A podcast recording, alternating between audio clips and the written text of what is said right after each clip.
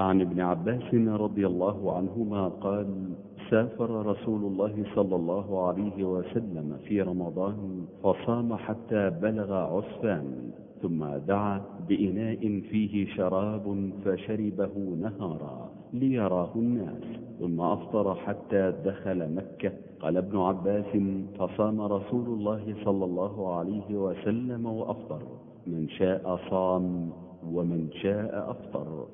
عن جابر بن عبد الله رضي الله عنهما قال كان رسول الله صلى الله عليه وسلم في سفر فرأى رجلا قد اجتمع الناس عليه وقد ظلل عليه فقال ما له؟ قالوا رجل صائم. فقال رسول الله صلى الله عليه وسلم ليس البر أن تصوموا في السفر. عن أبي سعيد الخدري رضي الله عنه قال غزونا مع رسول الله صلى الله عليه وسلم لست عشرة مضت من رمضان فمنا من صام ومنا من أفطر فلم يعب الصائم على المفطر ولا المفطر على الصائم. بسم الله الرحمن الرحيم. إن الحمد لله نحمده ونستعينه ونستغفره ونتوب إليه. ونعوذ بالله من شرور أنفسنا وسيئات أعمالنا. من يهده الله فلا مضل له ومن يضلل فلا هادي له. وأشهد أن لا إله إلا الله وحده لا شريك له وأشهد أن محمدا عبده ورسوله صلى الله عليه وعلى آله وصحبه وسلم تسليما كثيرا كثيرا. إخوة الكرام سلام الله عليكم ورحمته وبركاته. في هذه الحلقة معنا مجموعة من الأحاديث استمعتم إلى بعضها وأشير إلى بعضها أثناء حديثي عن هذا الحديث وعن هذا الموضوع وبخاصة ما يتعلق في الفطر في السفر سواء كان في رمضان أو في غير رمضان. وأقف مع هذه الأحاديث بما يناسب الوقت مع كثرتها وأهميتها وكثرة فوائدها ولكن أشير إلى المنهج النبوي العظيم استمرارا لما درجنا عليه في هذه الحلقات مع منهج محمد صلى الله عليه وسلم وصحابته الكرام. أول وقفة نقفها بما نأخذه من هذه الأحاديث مشروعية صيام الفرض أو الفطر في السفر. فأن يصوم الإنسان سواء في رمضان أو يقضي قضاء أو نذرا أو يكون متنفلا يشرع أن يصوم في السفر. أو كذلك النفل لو أن إنسانا يصوم الاثنين والخميس أو ثلاثة أيام البيض أو سافر في يوم عرفة أو في يوم عاشوراء فإننا هنا نجد مشروعية الأمرين فالصيام مشروع والفطر مشروع. لكن أيهما الأفضل؟ اختلف العلماء في ذلك. فبعضهم يقول إن الصيام هو الأفضل وبعضهم قالوا بل إن الفطر في السفر سواء كان صيام فرض كرمضان أو غيره أو نفل أن الفطرة هو الأفضل والقول الراجح والذي نأخذه من مجموع هذه الأحاديث التي بين أيدينا وما ذكره العلماء وهو أعدل الأقوال وأوسط الأقوال وهو الذي يظهر لي بعد التأمل أن الأمر وأن الأفضل يختلف بحسب الأحوال والقرائن التي تحط بالصائم مع أن الفطرة نقول في الأصل أن الفطرة هو الأفضل. إذا لم يكن هناك صارف يجعل المفضول فاضلا. فنقول إن الفطرة في رمضان أو في غير رمضان يعني الفطر في السفر هو الأفضل. لكن قد تأتي هناك قرائن وأحوال وصوارف تجعل المفضول فاضلا والفاضل مفضولا. وبهذا نجمع بين الأحاديث. ولا يضرب بعضها ببعض. ومن أجل ذلك وبهذا الأسلوب نعمل كل حديث في موضعه. لأننا لو لم نأخذ بهذا المنهج وهذا الحكم الذي رجحته لوقع لدينا إشكالات في فهم الأحاديث.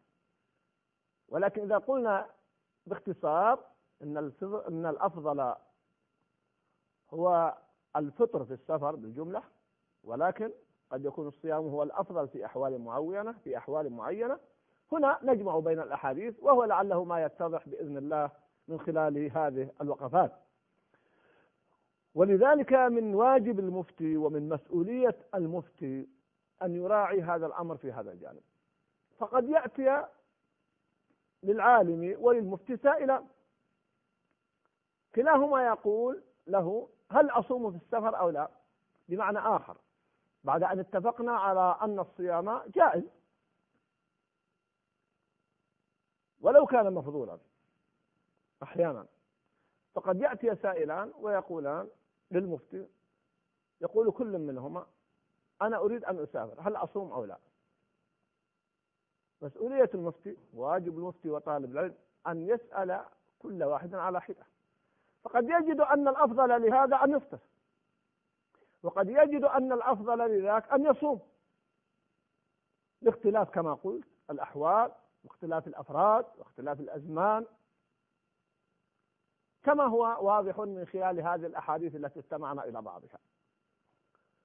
أيضا أن الاختلاف ليس مذموما لذاته دائما. الاختلاف أحبة الكرام قد يكون من اختلاف التنوع وقد يكون من اختلاف التضاد. المذموم هو اختلاف التضاد هذا الذي جاء الشرع بذمة. ولا تنازعوا. يقول الله جل وعلا ولا تنازعوا فتفشلوا وتذهب ريحكم. واعتصموا بحبل الله جميعا ولا تفرقوا. وهذا الذي جاءت الأحاديث بالنهي عن الاختلاف. والاختلاف شر كما قال ابن مسعود رضي الله تعالى عنه. هذا هو اختلاف التضاد أما اختلاف التنوع فليس بشر بل قد يكون خيرا. بل هو خير إذا أحسن استخدامه واستعماله. هذا يقوم بهذا العمل وذاك يقوم بهذا العمل. والدليل على ذلك أننا وجدنا في هذه الأحاديث أن هناك من أفطر وهناك من صام. فقال النبي صلى الله عليه وسلم ذهب المفطرون اليوم بالأجر فهؤلاء لهم أجر على صيامهم وهؤلاء لهم أجر على فطرهم. هذا اختلاف تنوع. فلننتبه في الحديث عن فقه الاختلاف متى يكون الخلاف والاختلاف مذموما ومتى يكون محمودا ومشروعا. أيضا نجد من هذه الوقفات في هذه المسألة نجد حديث أبي سعيد الخدري رضي الله تعالى عنه. كما هو معنا قال غزونا مع رسول الله صلى الله عليه وسلم لست عشرة مضت من رمضان فمنا من صام ومنا من أفطر فلم يعب الصائم على المفطر ولا المفطر على الصائم. هذا حديث قاعدة في اختلاف التنوع. فلم يعب الصائم على المفطر ولم يعب المفطر على الصائم. هذا قاعدة هذا الحديث وباب عظيم في اختلاف التنوع. ليس فقط في باب الصيام في باب الصيام وغيره. وبهذا تتكامل قوى المسلمين. حتى في فترة الجهاد يكون هناك من يذهب في الجهاد ويسافر الجهاد وهناك من يذهبون لطلب العلم وهناك من يجلس عند والديه وهناك من يجلس يرعى شؤون المسلمين وهناك من يخلف غازيا. هذا اختلاف تنوع. وأن لا يعيب بعضنا على بعض. في مثل هذه المسائل وبخاصة والحديث هنا عن الأمور التي من فروض الكفايات.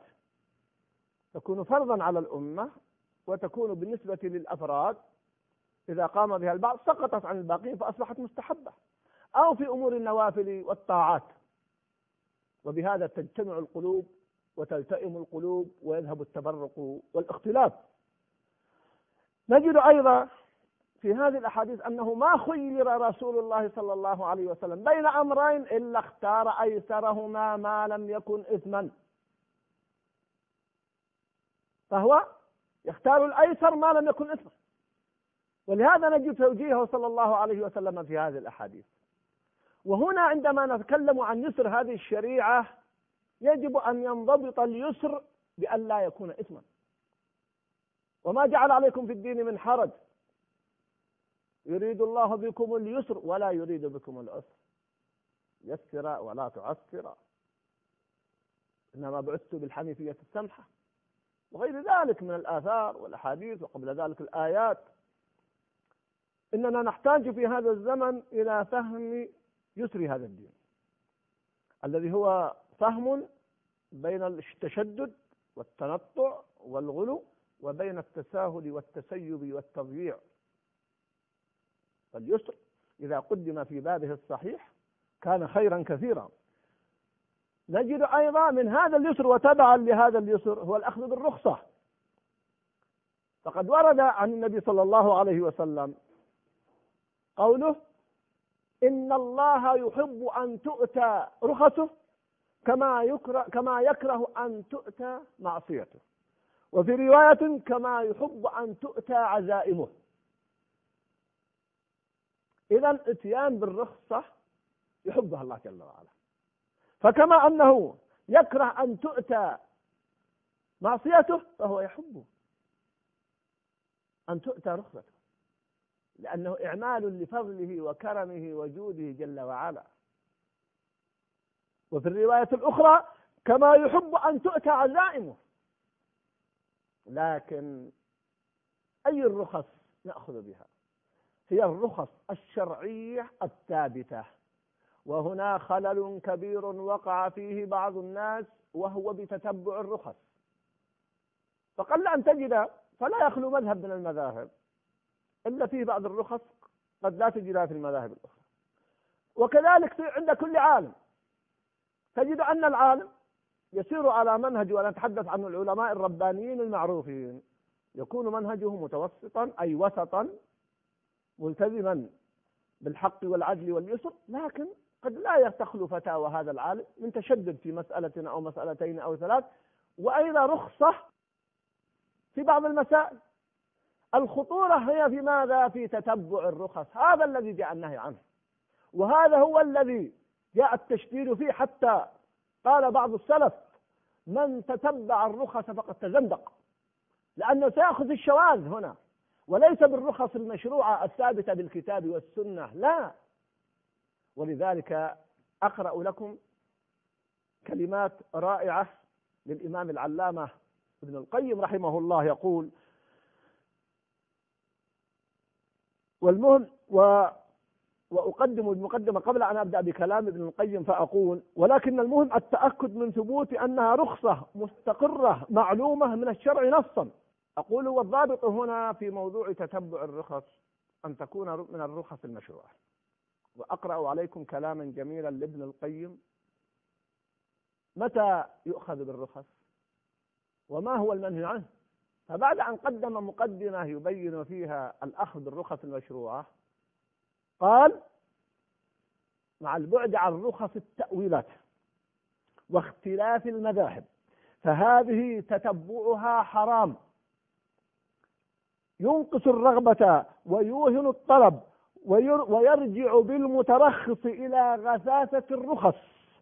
فإن من ترخص بقول أهل مكة في الصرف وأهل العراق في الأشربة وأهل المدينة في الأطعمة وأصحاب الحيل في المعاملات وأمثال ذلك من رخص المذاهب وأقوال العلماء فهذا الذي تنقص بترخصه رغبته ويوهن طلبه ويلقيه في غثاثة الرخص فهذا لون والأول لون آخر. أي الرخص الشرعية الثابتة عن النبي صلى الله عليه وسلم لون وهذه لون آخر. فلنفرق بين المسألتين ولنحذر من تتبع الرخص. فبعض الناس إذا جاءته قضية أو مشكلة بدأ يسأل هذا العالم وهذا العالم وهذا العالم حتى يجد رخصة. والأولى به أن يبحث عن الأعلم ثم يذهب إليه ففرق بين المسألتين. أيضا نجد في حديث أبي الدرداء رضي الله تعالى عنه وأشير إليه عن أبي الدرداء رضي الله تعالى عنه قال خرجنا مع رسول الله صلى الله عليه وسلم في شهر رمضان في حر شديد. حتى إن كان أحدنا لا يضع يده على رأسه من شدة الحر. وما فينا صائم إلا رسول الله صلى الله عليه وسلم وعبد الله بن رواحة رضي الله تعالى عنه. فحديث أبي الدرداء هنا يحمل على أن رسول الله صلى الله عليه وسلم صام لبيان الجواز أو لأنه يقوى على ما لا يقوى عليه غيره. أو أن المفضول قد يكون هو المف... هو الفاضل والأفضل لآحاد الناس دون عمومهم لأسباب تخصه قد لا تتوافر لغيره إلى غير ذلك من الاحتمالات ويبقى الحكم على أصله وهو أن الأفضل الأخ بالرخصة والفطر في السفر ما لم يأتي صارف يصرف ذلك. وعلى كل حال فكل هذا الكلام يدور بين الأفضل والمفضول وليس بين الحلال والحرام. نجد أيضا من هذه الوقفات أيضا المهمة التي نحتاج إليها في دلالة الاختلاف أيها الأحبة. هناك من يتصور أن الأخذ بالرخص ينقص الأجر. وهذا غير صحيح. لا. إذا أخذت بالرخصة في إطارها الصحيح فإنه يكون أجرك أكمل وأفضل بل إنه يكتب لك في سفرك أو مرضك ما كنت تعمل صحيحا مقيما. كما في الحديث الصحيح من سافر أو مرض كتب له ما كان يعمل صحيحا مقيما أو كما ورد عنه صلى الله عليه وسلم. فهناك تصورات خاطئة عند بعض الناس. يقول أخشى أخذ بالرخصة؟ فينقص أجري. لا يا أخي الكريم هي صدقة تصدق الله بها عليكم. فأنت تتمتع بالرخصة ولك الأجر كاملا. فالذي يصلي ركعتين في السفر له أجر الصلاة كاملا كما لو كان مقيما. الذي يصوم الاثنين والخميس في الحضر ثم يسافر ويفطر قد كتب له الأجر في ذلك. فأنت جمعت بين التمتع بالرخصة وبين الأجر. بل قد يزيد أجرك لأخذك بالرخصة مجرد الأخذ. كيف إذا كنت إماما يقتدى بك؟ إلا كما قلت إذا وجد سبب أو مانع أو صارف يجعل الفاضل مفضولا والمفضول فاضلا. إذا هذه مسائل نحتاج إليها في فهمنا لنصوص الشريعة. وأقول أحبتي الكرام مما أشير إليه وأختم به في هذه الحلقة بعد النظر في هذه الأحاديث الأمة في ظروفها وواقعها الآن ونظرا لارتباط العالم إعلاميا. فمثل هذه الكلمة التي ألقي الآن وهي تبث عبر القنوات الفضائية قد يسمعها من في المشرق كما يسمعها من في المغرب من في الشمال كما في الجنوب من في الوسط. وتعددت وسائل الإعلام إذا هنا الناس تختلف طبائعهم وتختلف أحوالهم. وهنا يتأكد دور المفتي لاختلاف المذاهب ولاختلاف الأحوال أن يحرص على الالتزام بالسنة. فإذا جاء أمر قد ثبت شرعا أن الله جعل فيه رخصة وجعل فيه تيسير. فلماذا يا أخي الكريم تشدد على الناس؟ قد يرى المفتي في أحوال خاصة لبعض الناس أن يأخذ بقول آخر أشد مراعاة لعوامل وأسباب وأحوال تحف بالقضية. لكن وأنت تفتي الآن ويسمعك الملأ إياك أن يضيق أفقك في من حولك فقط. فأنت تتحدث للناس أجمع. وهذه الكلمات تسمع في مشارق الأرض ومغاربها وعليك أن تراعي هذا الأمر. الشافعي رحمه الله الإمام الشافعي كان له مذهب في العراق. ولما ذهب إلى مصر له مذهب آخر بما يسمى بالقديم والجديد. الإمام أحمد له في بعض المسائل ست روايات كما في عند أبي يعلى وغيره. ما معنى هذا؟ أنهم يراعون أحوال السائلين وأحوال البلدان. إذا نحن واجبنا الآن لاختلاف الحال وأصبحنا ونحن نتحدث عبر إحدى الوسائل الإعلامية ويسمعنا الناس في مشارق والمغارب أن نراعي هذا الجانب ولا يتحدث الإنسان وكأنه يتحدث في قريته أو مدينته أو بيئته أو مجتمعه. أن تراعي الأحوال فما جاء عن الله وعن رسوله فخذ به. هذه من مسائل الفقه التي نحتاج إليها من أجل أن ندعو الناس إلى دين الله وأن لا نصد الناس عن شرع الله بسبب اجتهادات لا تكون في مكانها. والسلام عليكم ورحمة الله وبركاته.